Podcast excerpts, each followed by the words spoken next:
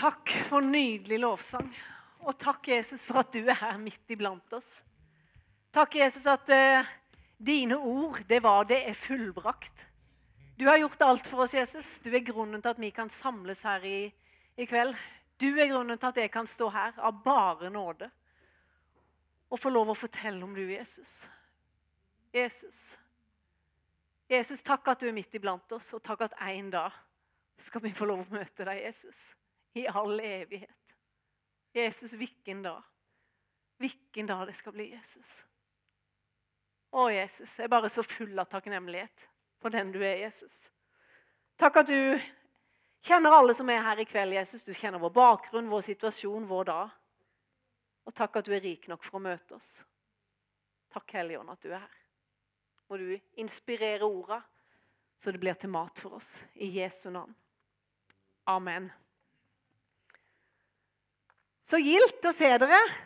Godt å være her. Som eh, Ann-Kristin sa, så eh, har jeg vært så heldig sammen med flere her fra menigheten og to ungdommer og vært på konferanse i Kristiansand i helga.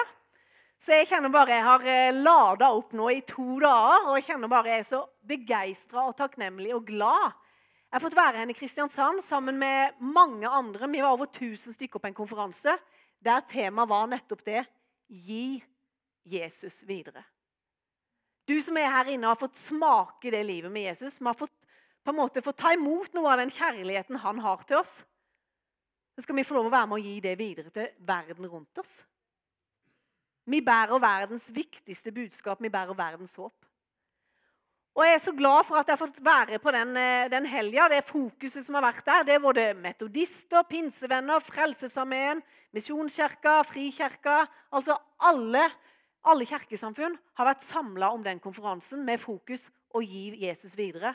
Og da spesielt til generasjonene barn og unge.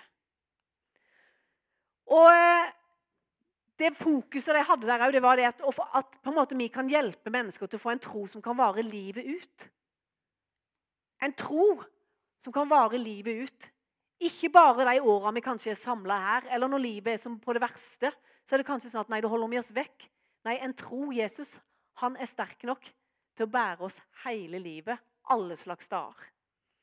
Og så er det ikke sånn at Nå er det ikke sånn en enkel oppskrift. Hvordan skal jeg få den? Nå skal jeg bare følge den oppskriften her. Nå gir jeg en oppskrift, så følger vi den, så går allting bra. Nei, Det er nok ikke så enkelt. Men jeg tror at det handler om å ha fokusområder. Vi som eh, menighet, lederskapet her, var samla i januar. Da snakka vi om å ha dette som fokusområde.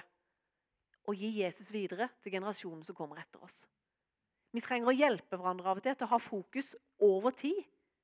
Fokus som foreldre, fokus som menighet, fokus som enkeltpersoner.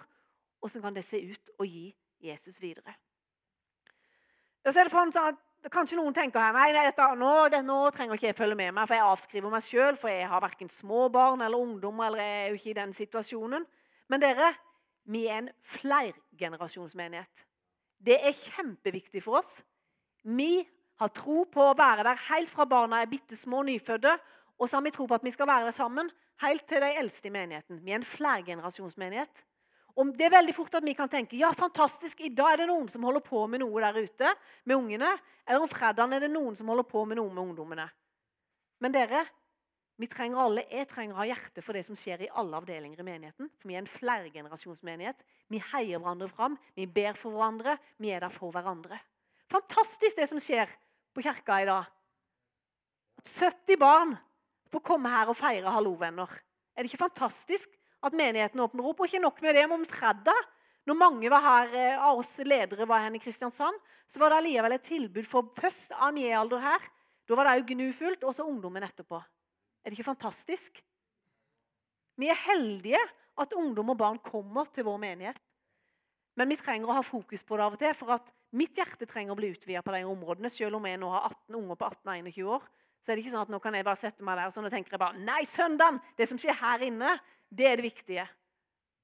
Nei, vi må ha fokus på hele spekteret. Hva sa jeg for noe nå? Sa jeg det?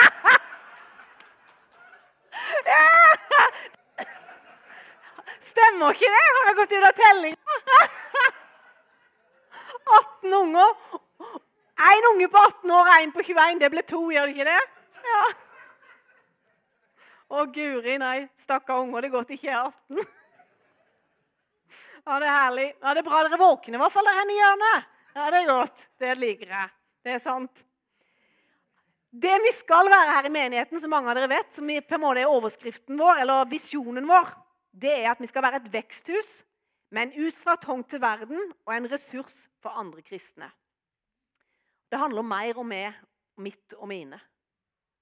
Det er et mye større perspektiv. Og Med å snakke om å gi Jesus videre i dag som tema, så handler det både om å være et veksthus her i menigheten, men òg i heimene våre. Og vi vil være en utstrakt hånd til verden, altså bygda vår. Det er vi i kveld, dere. Her er mange barn her. Og Siri, for dere som var her forrige søndag, så var hun i menigheten her, og hun pekte på punktene tro, sende og plante. Så Misjonskirka Norges det er deres fokusområder, eller våre fokusområder òg, den neste tida. Hvis ikke du var her forresten om søndag, gå inn på hjemmesida vår. Hør en fantastisk tale av Siri Iversen. Og punkt, to, eh, punkt én mener jeg, i, i den, altså det trospunktet, det kommer jeg til å snakke litt om i dag. Ellers Hva skal jeg peke henne, Stefan? Skal jeg peke mot du? Trykker jeg tilbake? Ja, men det er ikke så rart vi hadde den opp og ned.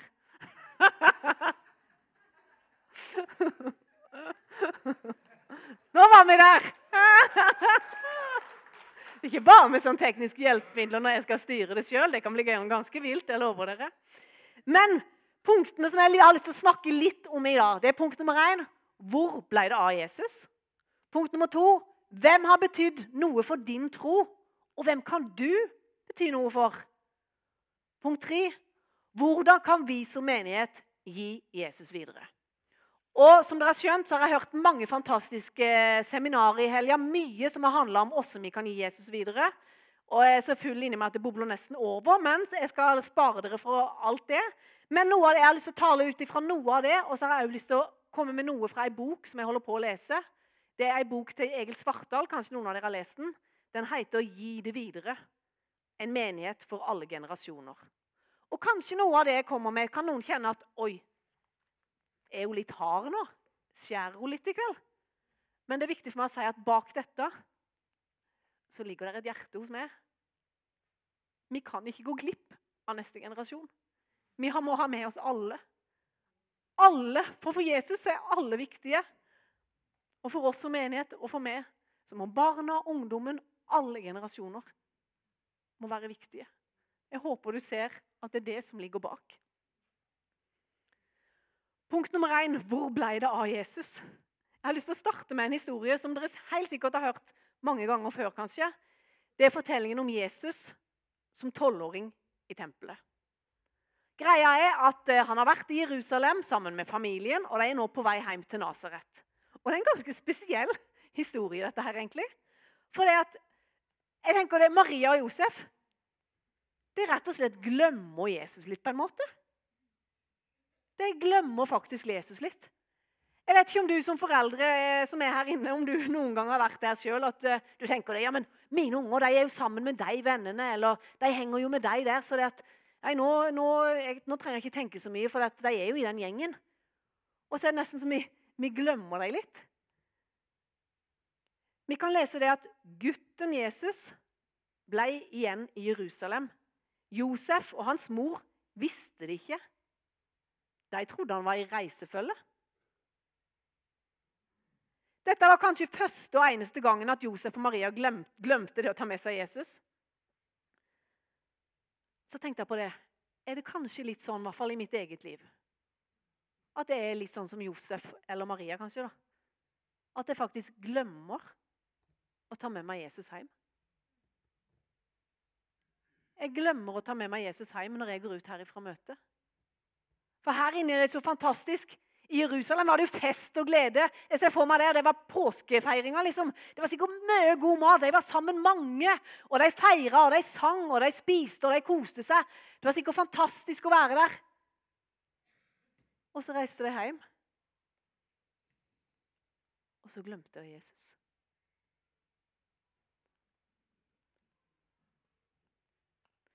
Flotte gudstjenester, tilbedelse, gudsnærvær. Men åssen er gudstjenesten min? Åssen er livet mitt? Åssen er trospraksisen min når jeg går ut av den døra? I min hverdag, hjemme i mitt hus, sammen med mine. At jeg har glemt mine unger i et stressende øyeblikk, det kan jeg være første til å rekke opp hånda på. Ja, det har jeg. Og jeg har full forståelse for at andre kan gjøre det. Men vi kan lese i den historien da de trodde at han, altså Jesus, var i reisefølge, så dro de en dagsreise videre, og så lette de etter han. Altså, Det må faktisk ha gått en ganske lang stund før de skjønte det. at ja, men Jesus, du er jo faktisk ikke. Og er du henne? Ja, men Vi trodde jo du var i gjengen i reisefølge, men du er jo ikke sammen med oss. De trodde jo sikkert han var med slektninger og bekjente og resten av reisefølget. Dette er reisefølget i våre dager ja, men Ungene våre er jo i et skikkelig bra miljø. De er jo inne på Supersøndag, de er jo på AME, de er jo på Powerhouse, eller de er jo sammen med gjengen sin. Kan vi av og til bli litt sånn at vi glemmer å ta med oss Jesus hjem? Andre i reisefølge tar seg jo av ungene våre. Vi sender jo ungene våre på ulike aktiviteter. Eller som voksen i mitt eget liv så går jeg jo til gudstjeneste. Jeg spiser jo søndagsmiddagen her, for å kalle det det. Men ukedagene, da? Åssen er det i heimen min? Har du tenkt over det at Maria og Josef de tok jo ikke avskjed med Jesus? De sa ikke sånn 'Ha det, Jesus, nå snakkes vi om noen dager.' Men han ble bare borte for dem. Han ble bare vekke for dem underveis. Er det ikke av og til sånn i våre reisefølger, i våre miljøer, at mennesker de tar kanskje ikke en sånn tydelig avstand fra Jesus og sier ha det til han. Men så skjer det bare. Så skjer bare livet. Så er det nesten som at Jesus bare blir vekke i livet vårt. Ikke det at han reiser vekk, men det er jo vi sjøl. For så var det sånn at så gifta jeg meg, og så fikk vi unger. Og så ble det jo så mye, og så var det så mye som skjedde, og så skulle unger følges opp der. Og så var det skole, og så var det lekser. Og så ble jeg, og så i studietida, og så hadde jeg så mye jeg skulle gjøre der, og så var det så mye jeg skulle leseprøve, og så, og så fikk jeg jo ny jobb. Og ny jobb, vet du. Det er fantastisk med ny jobb, men den tok plutselig altfor mye tid. Jeg hadde ikke beregnet at den skulle ta så mye tid. Og da ble alt dette med Jesus og menighet og hele Nei, livet ble bare så mye. Jeg har jo ikke tid. Og så Nei, så ble jeg jo pensjonist. Og jeg har jo aldri hatt det mer travelt enn en pensjonist. Altså, jeg vet ikke. Livet bare skjer. Og så sier vi ikke bevisst 'ha det til Jesus'. Men så skjer det så mye. Statistikker viser at vi har veldig mange barn innom kirkene våre fram til de er ni år. Og når barna er mellom 14 og 18 år, så viser det seg at mellom, nei, 7 av 10 Altså hør, Mellom 14 og 18 år så er det 7 av 10 som forlater kirkene våre. Og mellom 16 og 25 år så sier forskning at 49% forlater troen. Det er vonde tall. Det har statistikk. Når Jesus ble født i Betlehem, så sa de det var ikke husrom for dem. Er det husrom for Jesus i ditt og mitt liv? I din og min heim?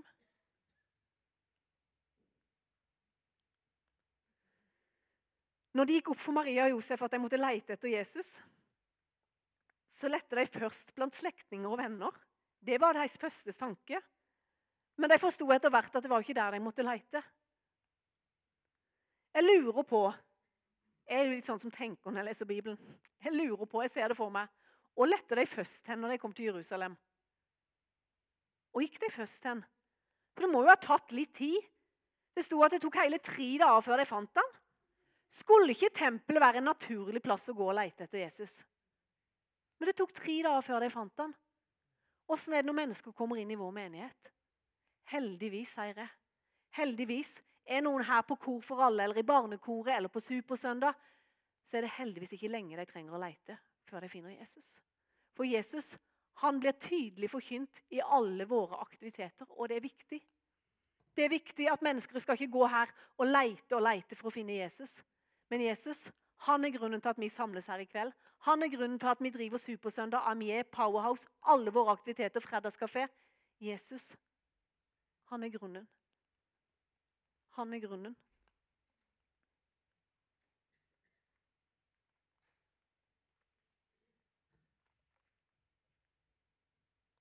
Var det så mange dueselgere og pengeveksler i tempelet at Jesus var blitt borte i den mengden? På hvilken måte er Jesus synlig i våre menigheter, våre heimer og våre familier?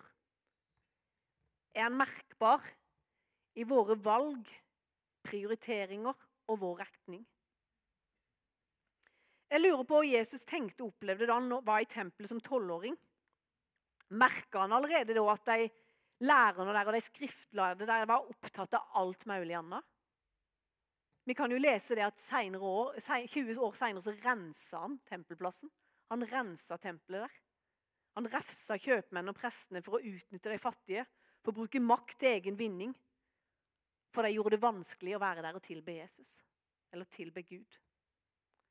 Jeg tror Jesus jeg tror han ønsker å være herre i både kirkene våre, men òg i heimene våre. I ditt og i mitt liv. Og det handler ikke om å være perfekte, men om hvem vi velger å følge etter.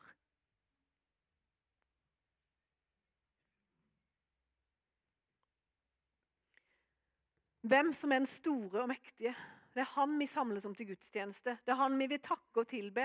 Det er han vi vil at skal få prege våre forsamlinger. Men du, han er òg den som ønsker å være nær i vår hverdag. Og det er jo faktisk hverdager det er flest av. Jeg vet ikke om det er blitt sitert på noen talerstol noen gang, men jeg sier som Ole Brumm ja takk, begge deler. Ja takk, begge deler. Både i vår menighet og kirke, men òg i heimene våre og i hverdagen vår. Du kan sette tydelig spor i dine barn, dine barnebarn eller alle de menneskene du omgås på din arbeidsplass. Du kan være med og sette spor inn i de menneskenes liv. Og Det handler ikke om hvor flinke vi er og lange andakter vi har, men kanskje mer om den bevisstgjøringa av det vi allerede har. Troen på at Han som bor i oss. Du innleda innleder så fantastisk om lyset. Lyset, Ann Kristine. Det er lyset som bor i oss. Vi kan reflektere det lyset der vi er. Der vi er. Du kan bety en forskjell for noen der du er. Men òg i heimene våre at vi faktisk tar fram Bibelen. At barna våre ser at Bibelen er viktig for oss. Kanskje de kan finne sin bibel. Som besteforeldre kanskje de kan finne Bibelen, så du som bestefar bestemor kan være med deg inn i bibelhistoriene. Vise dem at Bibelen er viktig for oss, at vi har tid til dem når de kommer med sine spørsmål og sin undring.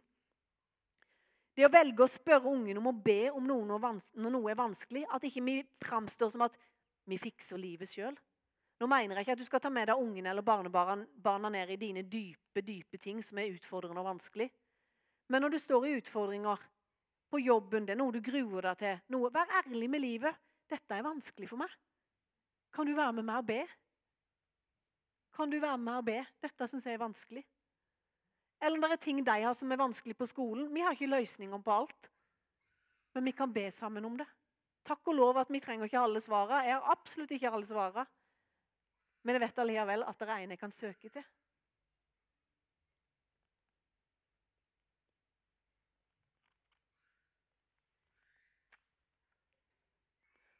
At vi viser at vi elsker dem og viser omsorg og kjærlighet. Til og med når de er trassige og gjør irriterende ting. For det gjør unger. Gud, gi meg tålmodighet. Der du ønsker at dine unger skal være om fem år, der tror jeg vi sjøl må gå foran og lede.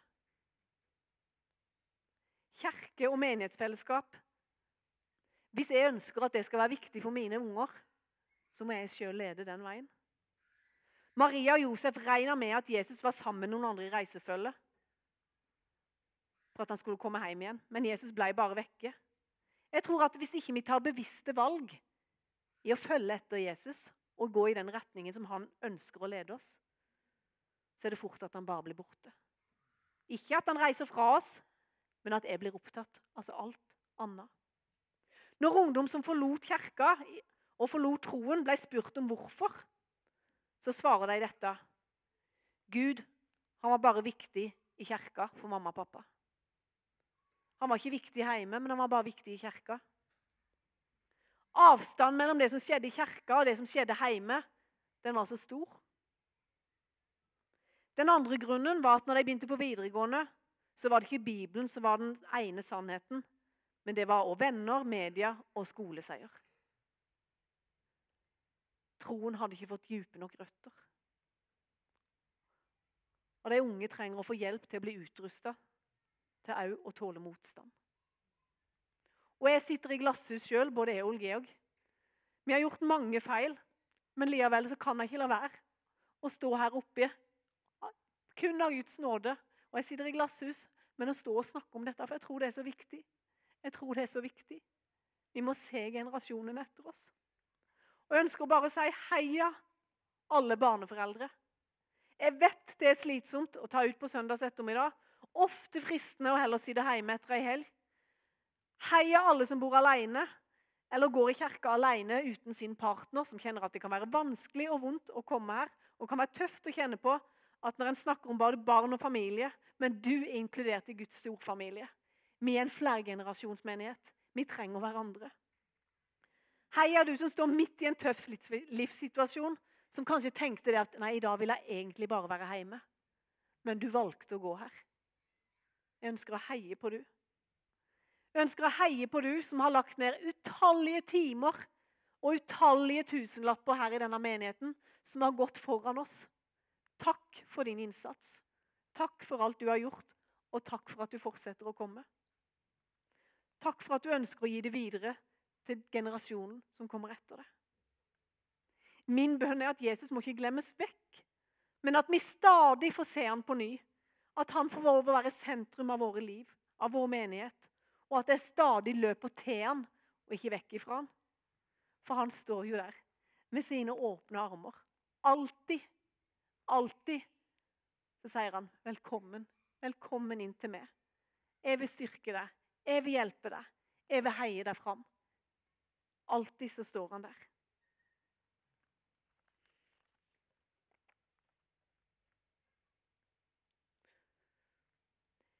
Det å følge i fotsporene av Jesus vi kan få lov å følge de fotsporene, og så kan du igjen være med og sette fotspor i andre menneskers liv. Punkt nummer to. Hvem har betydd noe for din tro, og hvem kan du bety noe for? Og i din historie i forhold til tro, hvem var viktige personer for du? I din barndom, i din ungdomstid eller der du er nå? Jeg har lyst til å starte med å si at jeg er enormt takknemlig for at jeg hadde en mamma og en pappa som leste Bibelen for meg, barnebibelen, og som ba kveldsbønn for meg. Altså, Det var ikke lange andakter i vår heim. Det var ikke sånne lange bibelundervisning og andagsstunder. Men mamma og pappa de viste meg en ubetinga kjærlighet. De var interessert i meg. De ville være interessert i, og jeg var interessert i. De hadde tid til meg. Og de sa, kanskje ikke sa så mye, men de viste at de var glad i meg. De klemte meg, men de sa det ikke så ofte med ord. Det var kanskje ikke så vanlig for den generasjonen. Men jeg visste at jeg var elska. De var der for meg, og de kjørte meg tre kilometer hver vei for at jeg skulle komme på søndagsskole. Og det var mitt første kristne fellesskap utenfor min heim. Søndagsskolen på Løvimås. Der var det engasjerte voksne som sto og fortalte om Jesus, og som så meg. Og Jeg var jo en ivrig sånn liten unge som var på den der, elska å få lov å bidra med ting. Så tidlig fikk jeg lov til å være med å arrangere julespillet på søndagsskolen. Jeg fikk lov å slippe til.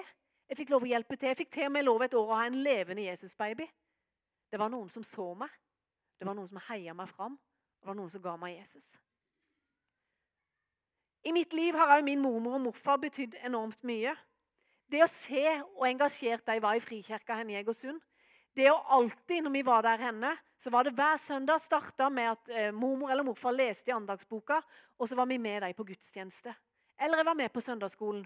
Det å sitte, Jeg husker jeg satt ved siden av min mormor. Jeg var så stolt. Hun var søndagsskoleleder. Og på en ivrig, engasjerende måte så fortalte hun Jesus-historier der ungene bare Det sa det gapte. Og jeg tenkte jeg er så stolt. Det er min mormor.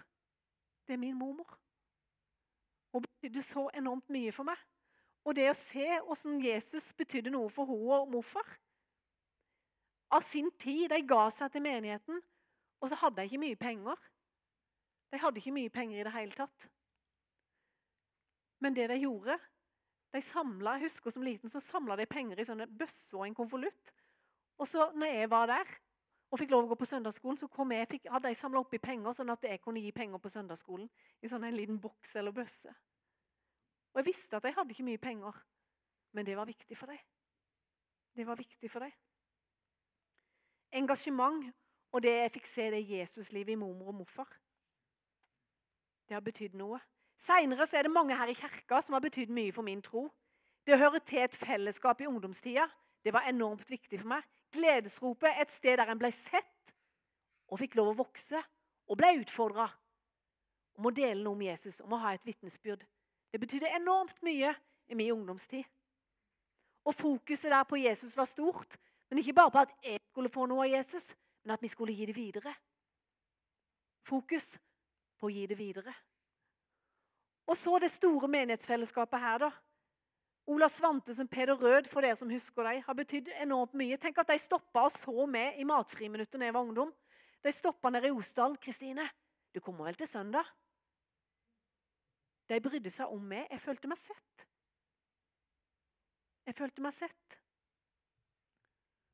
Som ungdom ble jeg spurt med som hjelper i søndagsskolen.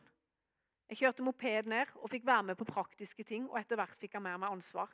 Altså, Min historie kunne bare fortsette og fortsatt i forhold til mennesker her som har betydd mye for meg.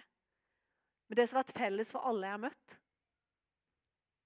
De har ikke leda meg inn til seg sjøl, men de har leda meg inn til Jesus.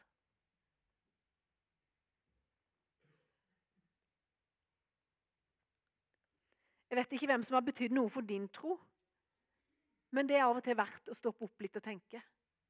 Hvem har vært viktige personer i mitt liv? For det kan lede over til neste punkt. For hvem kan du bety noe for i dag? Hvem kan du bety noe for i dag? Hvem kan du være med og sette spor i livet til? Hvem kan du være med og lede i en retning av Jesus? Vi trenger å utruste hverandre til å dele denne troen videre. Har du noen gang fortalt din troshistorie til noen mennesker i det hele tatt? Det kan være vanskelig. Hvem er Jesus for du i dag? Det å stoppe og tenke litt over de spørsmåla, sånn at en øver seg faktisk litt på det. For når en møter mennesker, så er det av og til vanskelig hva skal jeg snakke om, eller hvordan, ja, hvem er egentlig Jesus for meg? Eller ja, hvordan, hvordan har det sett ut i mitt liv? Men at en kan øve seg litt på det. Tenke over dette her, sånn at det kan gjøre det litt lettere å møte mennesker i trossamtaler. Det å ha øvd seg på å sette ord på ting. Og så er det så fantastisk at vi alle kan få lov å være med å gi små såkorn på denne veien. Ikke tenk det at nei, det lille jeg gjør, det betyr ingenting. Jau, det betyr noe. Du er viktig. Det lille smilet, det heiet, den kaffen i gangen, det at du bøyer deg ned og sier hei til et barn, det er å gi Jesus videre. Det er ikke bare våre ord. Det å gi Jesus videre kan være så mye forskjellig. Og så kan det være i perioder av livet. Altså, Jeg har jo ikke min mormor og morfar lenger nå. Det var en periode av livet mitt. Men det har satt spor. Du kan være i perioder av livet til et barn, en ungdom, en voksen. Men du kan være med og sette spor. En kar som heter Jonny Omdal. Han er en bra kar. Han jobber som pastor i Justnes misjonskirke, og han har skrevet en bok som heter 'Det er lov å være lur'. en gøy tittel. Men i et av de kapitlene så skriver han om evangelisering. Og Han skriver det at vi har dessverre en tendens til å leite etter en slags fasit når det gjelder evangeliet.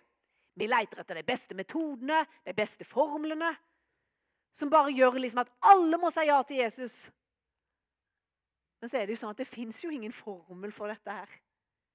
Det er ikke en sånn oppskrift bare gjør de tre tinga, så, så vil mennesker si ja til Jesus. Problemet vårt er nødvendigvis ikke bare metodene, men det vi trenger å være oss sjøl.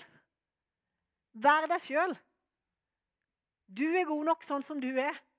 Vær deg sjøl. Altså, det er veldig dårlig hvis vi prøver å være kunstige kopier og dele evangeliet på den måten. Vær deg sjøl, med mange utropstegn bak, sier bare. Den utrustningen Gud har gjort, gitt du, din personlighet, dine gaver, så skal du få lov å være med og lede mennesker kanskje to steg nærmere Jesus eller helt inn til han. Vær deg sjøl.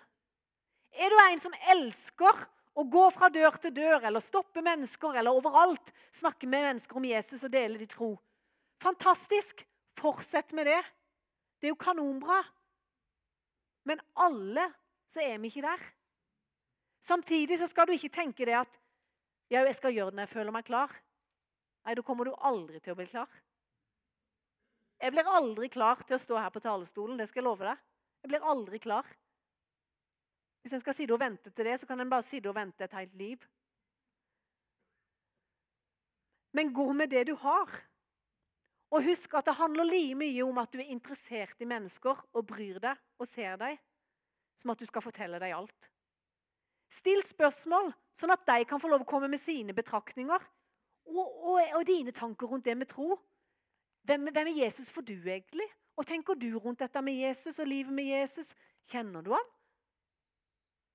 Det er mange måter å komme i prat med mennesker på istedenfor å tenke at jeg skal si alt dette, jeg skal evangelisere, evangelisere. Fantastisk for deg, det ligger naturlig for, men det er ikke alle de gjør det. Men du kan virke på din måte.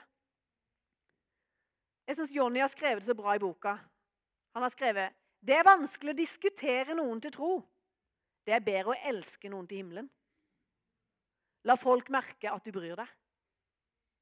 Den syns jeg er veldig fint. Og så handler det jo av og til om å vite litt om den kulturen vi går inn i. Vite litt om de menneskene en snakker med. Og faktisk ta mitt for to ører. Det betyr kanskje at vi må øve oss litt på ja, jeg vet det, Ole Georg, at jeg er god til å snakke, men øve oss litt på å lytte. øve oss litt på å lytte òg til de vi er sammen med, istedenfor bare å snakke. Det er så fort at vi tenker ja, for når jeg var ung, da var det sånn og sånn mennesker møtte Jesus. Da var det sånn det var, og da var det sånn. Og bare jeg møtte Jesus sånn. Da må det være sånn for alle andre.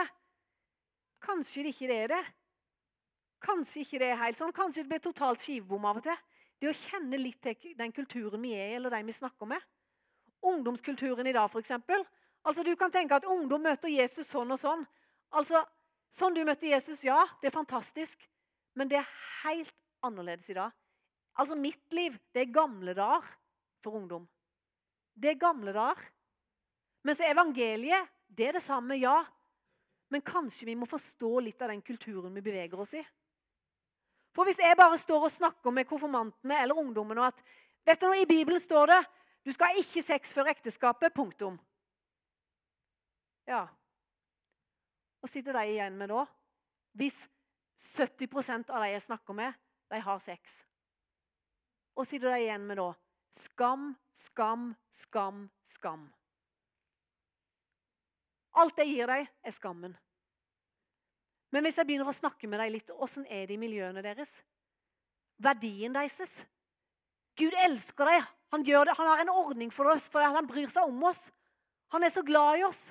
Han ønsker å beskytte oss. De er så verdifulle. Gud elsker den. har satt en... Hvem, hvem skal bestemme hvor mye vi er verdt? Er det det vennene sier? Er det det gjengen sier? Er det det lærerne sier? Gud sier faktisk at han elsker oss så høyt at han var villig til å gi sin egen sønn for vår skyld. At skammen skulle ramme Jesus. Vi må si noe mer enn bare lov og bud. Ellers så sitter bare mennesker igjen med skammen. Vi må komme nær mennesker, så vi kan få samtalene. hvis jeg hadde slutta med det at jau Og så går det an å være tro på det som står her. Det går an å tro på det samtidig som vi kan ha de andre samtalene. For jeg tror jo at ekteskap mellom mann og dame og sex tilhører ekteskap. Jeg tror det er Guds gode ordning for oss. Men hvis jeg ikke hadde snakka noe mer, så tror ikke jeg at en av konfirmantene mange år etterpå hadde kommet til meg. Kristine, livet gikk i stykker. Det ble ikke sånn som jeg hadde tenkt. Men jeg husker at du aldri sto med en pekefinger For du sa at Gud elsker meg. Du sa at Gud ser meg og bryr seg. Hvis jeg bare hadde gitt pekefinger og lov og regler Jeg tror aldri jeg hadde fått den samtalen der vi kunne sitte og prate sammen og grine sammen og be sammen. Vi må komme nær menneskene òg. Vi må tåle å snakke om de vanskelige tinga. Vi må ikke bare komme med alle svara.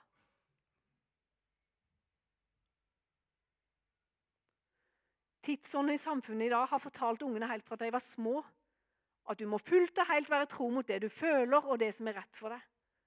Ungdom i dag de snakker om cancelling. Altså Hvis det er noen som mener eller tenker noe annerledes, så bare blokker de deg fra mobilene. Fra Snapchat. Jeg bare stenger deg ute fra livet sitt. Hvis du tenker noe som er annerledes enn meg, da bare blokker jeg deg ut av livet mitt og gidder jeg ikke ha noe mer med deg å gjøre. Det er en kultur vi opererer i.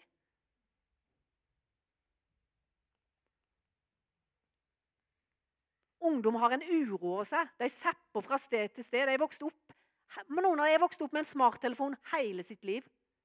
Hele sitt liv. Og De bare zapper videre og trykker videre. Og midt i alt som skjer, så kan de snakke med en inn på en andre side av verden. liksom. Det er deres hverdag. Vi må vite noe om åssen det er når vi snakker om det her. Det er vanskelig. Det er kjempevanskelig sjøl. Det er kjempevanskelig, det er kjempeutfordrende. Så tenker jeg ja, vi kan tilpasse oss i uttrykk og form på noe og gjøre noen endringer, men vi kan ikke konkurrere med alt det som skjer rundt. Vi har ikke sjans, men vi har én ting vi kan konkurrere på. Og det er budskapet vi kommer med. Budskapet vi kommer med, Jesus Kristus, han er verdens håp. Han kan vi konkurrere med denne verden med. For han, lyset, er sterkere enn mørket. Så det er Jesus Jesus, han kan vi gi til deg. Han kan vi gi til deg. Evangeliet er gode nyheter. Men vi trenger å være sammen med folk på andre arenaer.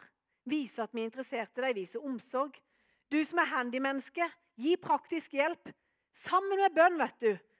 Jeg vil garantere deg at du vil få gode muligheter til å snakke med mennesker. Ikke stress det fram, men det står i Bibelen om å kjøpe den rette tid. Pass derfor på hvordan dere lever, ikke som uvise, men som vise, så dere kjøper den beleilige tid. Skulle nesten tro at det var skrevet fra en frolending. Beleilig, det var litt sånn frolandsk. Uh, ulidelig og beleilig. Kjøp den beleilige tid. Altså, det vil komme situasjoner som vil dukke opp for deg. Der du kan få lov å være og bety en forskjell i menneskers liv. Gode gjerninger følger med det å tro på Jesus. Det er et resultat av det å være sammen med Jesus. Så ut av våre liv skal det òg komme gode gjerninger. Og det er masse av gode gjerninger vi kan få lov å gå inn i.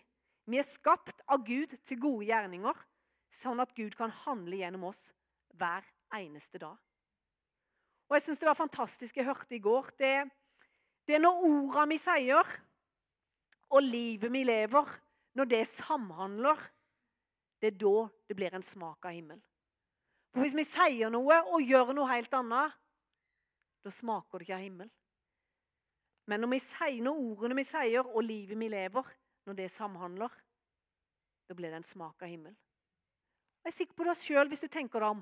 Så er det noen personer i ditt liv som du bare tenker å, det er bare den personen er det bare så godt å være sammen med. Og det bare smaker så godt å være sammen med den personen.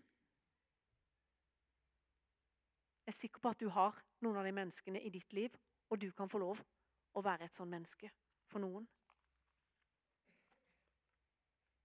Ikke stem deg sjøl ut når Jesus inviterer deg med inn på laget. Vi er hans verk, skapt i Kristus til gode gjerninger. Det å gi Jesus videre det kan se ulikt ut i våre liv, men du er invitert med på det.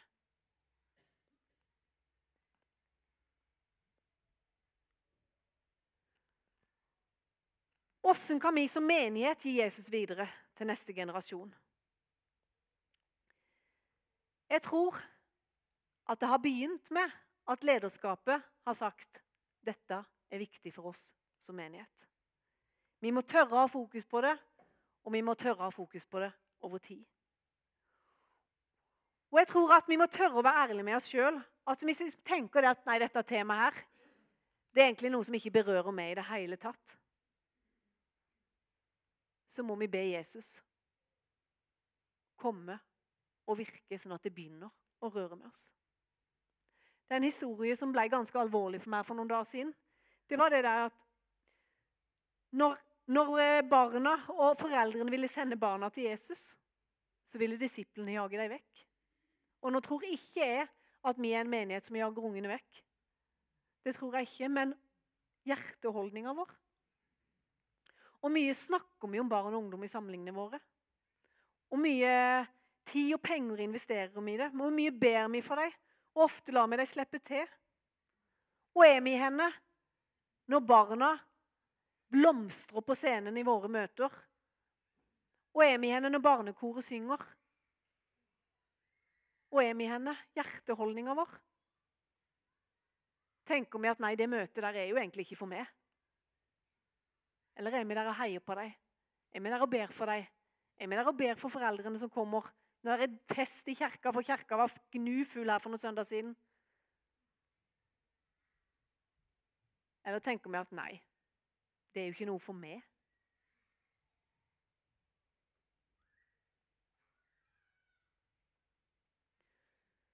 Så jeg er helt sikker på én ting. Vi må legge til rette for, vi må tenke ut planer, vi må ha gode overganger, vi må være villige til å gjøre en eh, innsats, for nye rom og alt dette her.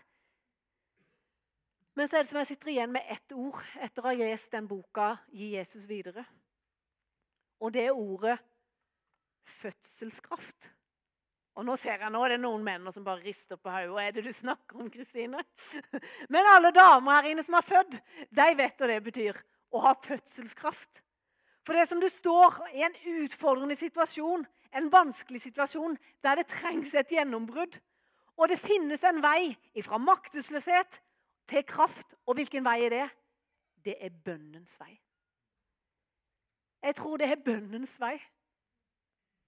Når alle gjør så godt de kan, men det ikke føles nok, så kan en kjenne seg maktesløs. Men det hjelper ikke med en haug med gode ideer hvis en ikke har kraft til å gjennomføre det. Og det er kun Gud som kan gi oss en kraft til å føde en ny generasjon med barn og unge som vil følge etter Jesus. Men vi må ikke gi opp, som verken som menighet eller foreldre. For jeg tror det. Jeg tror, og Bibelen sier at Gud vil framgang og vekst. Og Gud vil framgang og vekst for barn og unge i Froland. Lyset er sterkere enn mørket. Gud vil gjøre noe nytt. Og ofte når Gud på en måte begynner med en ny generasjon, når Gud vil gjøre noe, så begynner det med vår maktesløshet. Vi står der og sier nei, men dette klarer jeg ikke. Jeg har ikke sjans. Hva skal jeg gjøre i møte med ungdomskulturen? Hva skal jeg gjøre i møte med alt det som er så mørkt? Hva skal jeg gjøre i møte med at ungene mine ikke vil, eller ungene mine ikke ser ut som de tenker over dette med Jesus en gang? I møte med maktesløsheten så fins det en fødselskraft, og det er bønnens vei. Og Bibelen har sagt den som ber, han får. Det er ikke et løfte jeg står her og gir, men jeg kan gi det på Guds vegne. Jeg kan ikke love deg noen ting, men det står her i Bibelen at den som ber, han får. Ennå det ser grusomt mørkt ut, ennå vi vet at kulturen rundt oss er mørk, men vi har verdens håp, dere. Generasjonen etter oss trenger oss. De trenger du. De trenger dine bønner, de trenger din innsats. De trenger at du gir litt liv for Jesus. De trenger at du sier hei til dem. De trenger at du heier på dem. De trenger at du møter opp. De trenger du som bestemor, du som bestefar. At du viser deg Jesus. Pga. sin tro fikk også Sara sjøl kraft til å føde et barn. Hun fødte selv om hun var gammel og langt over den alderen da en kvinne vanligvis føder. Men det skjedde fordi hun stolte på Gud, som hadde lovet at dette skulle skje. Hun fikk en sønn som skulle gi henne mange etterkommere, så utallige som stjernene på himmelen eller sandkorn på havets strand. Og så må vi ikke glemme det, at her inne blant oss som sitter her nå, så vekker det forskjellige følelser. Hanna i Bibelen. Hun grudde seg hvert år til de skulle til Silo. For den andre kona til mannen hennes han plaga henne med sin vellykkethet, med sin store barneflokk.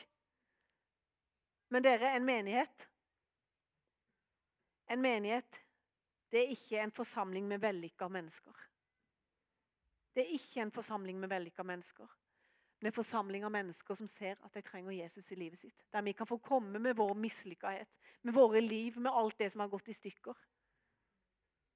Så kan vi sammen hjelpe hverandre på denne veien. Her er det rom for det som er vondt. Det er rom for sorg, ting som ikke ble som vi hadde tenkt.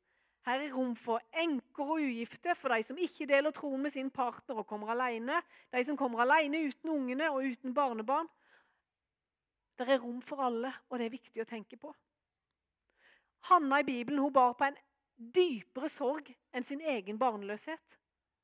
Hun hadde sett det åndelige frafallet i samfunnet der hun var, blant prestesønnen i tempelet, og det moralske frafallet var i tida der. Og Hun ba ikke bare om en sønn til seg sjøl. Hun ba om en profet for folket.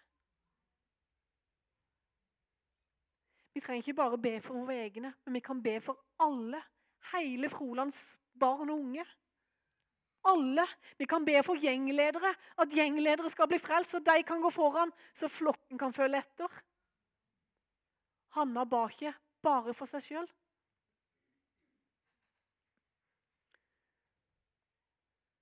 Med eller uten egne barn og barnebarn så kan en få lov å være åndelige mødre og fedre.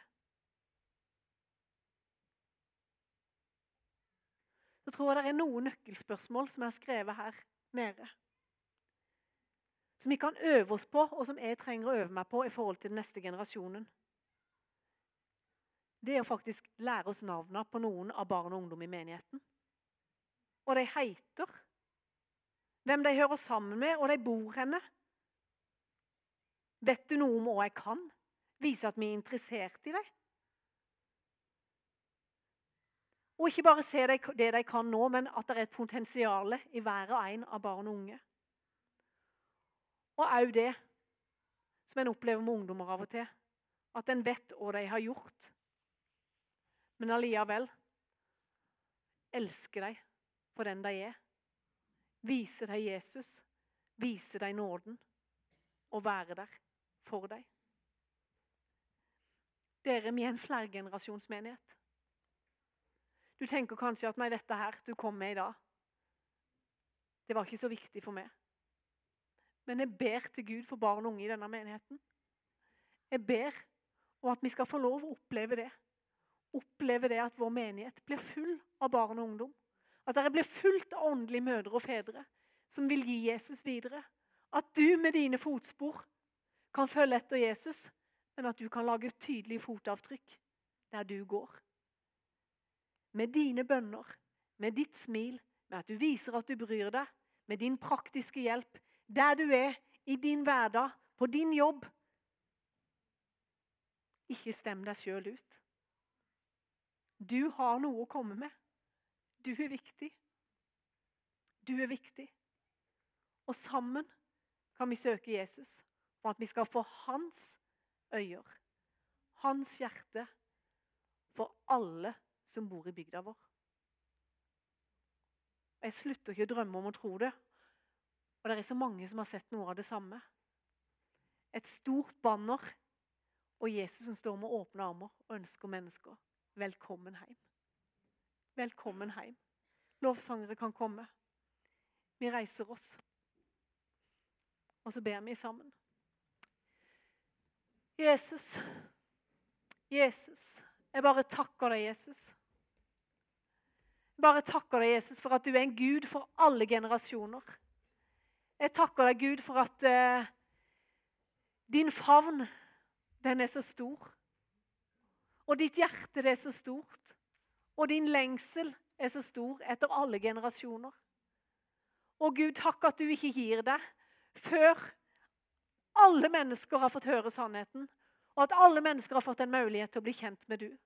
Og Jeg bare ber deg, Gud, om at du må bli så stor for oss. At du, Jesus, må bli så stor for oss. Og Jesus, la oss få smake deg på ny i kveld. La oss få se deg på ny, Jesus. Og Jesus, sånn at vi kan ikke la være å gå videre med det vi har smakt, og det vi har sett, og det vi har hørt.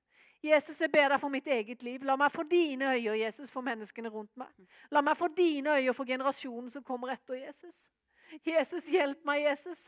Jesus, hjelp meg til å bety en forskjell for mennesker som kommer etter meg, Jesus. Du vet det er så fort, Jesus. Det er så mye som tar tida mi. Men Jesus, jeg ønsker ikke at du bare skal bli vekke i mitt liv. Jesus, jeg ønsker ikke at du bare skal bli vekke i mitt liv fordi om mine unger kanskje nå er store, Jesus. Så ber jeg deg, Jesus.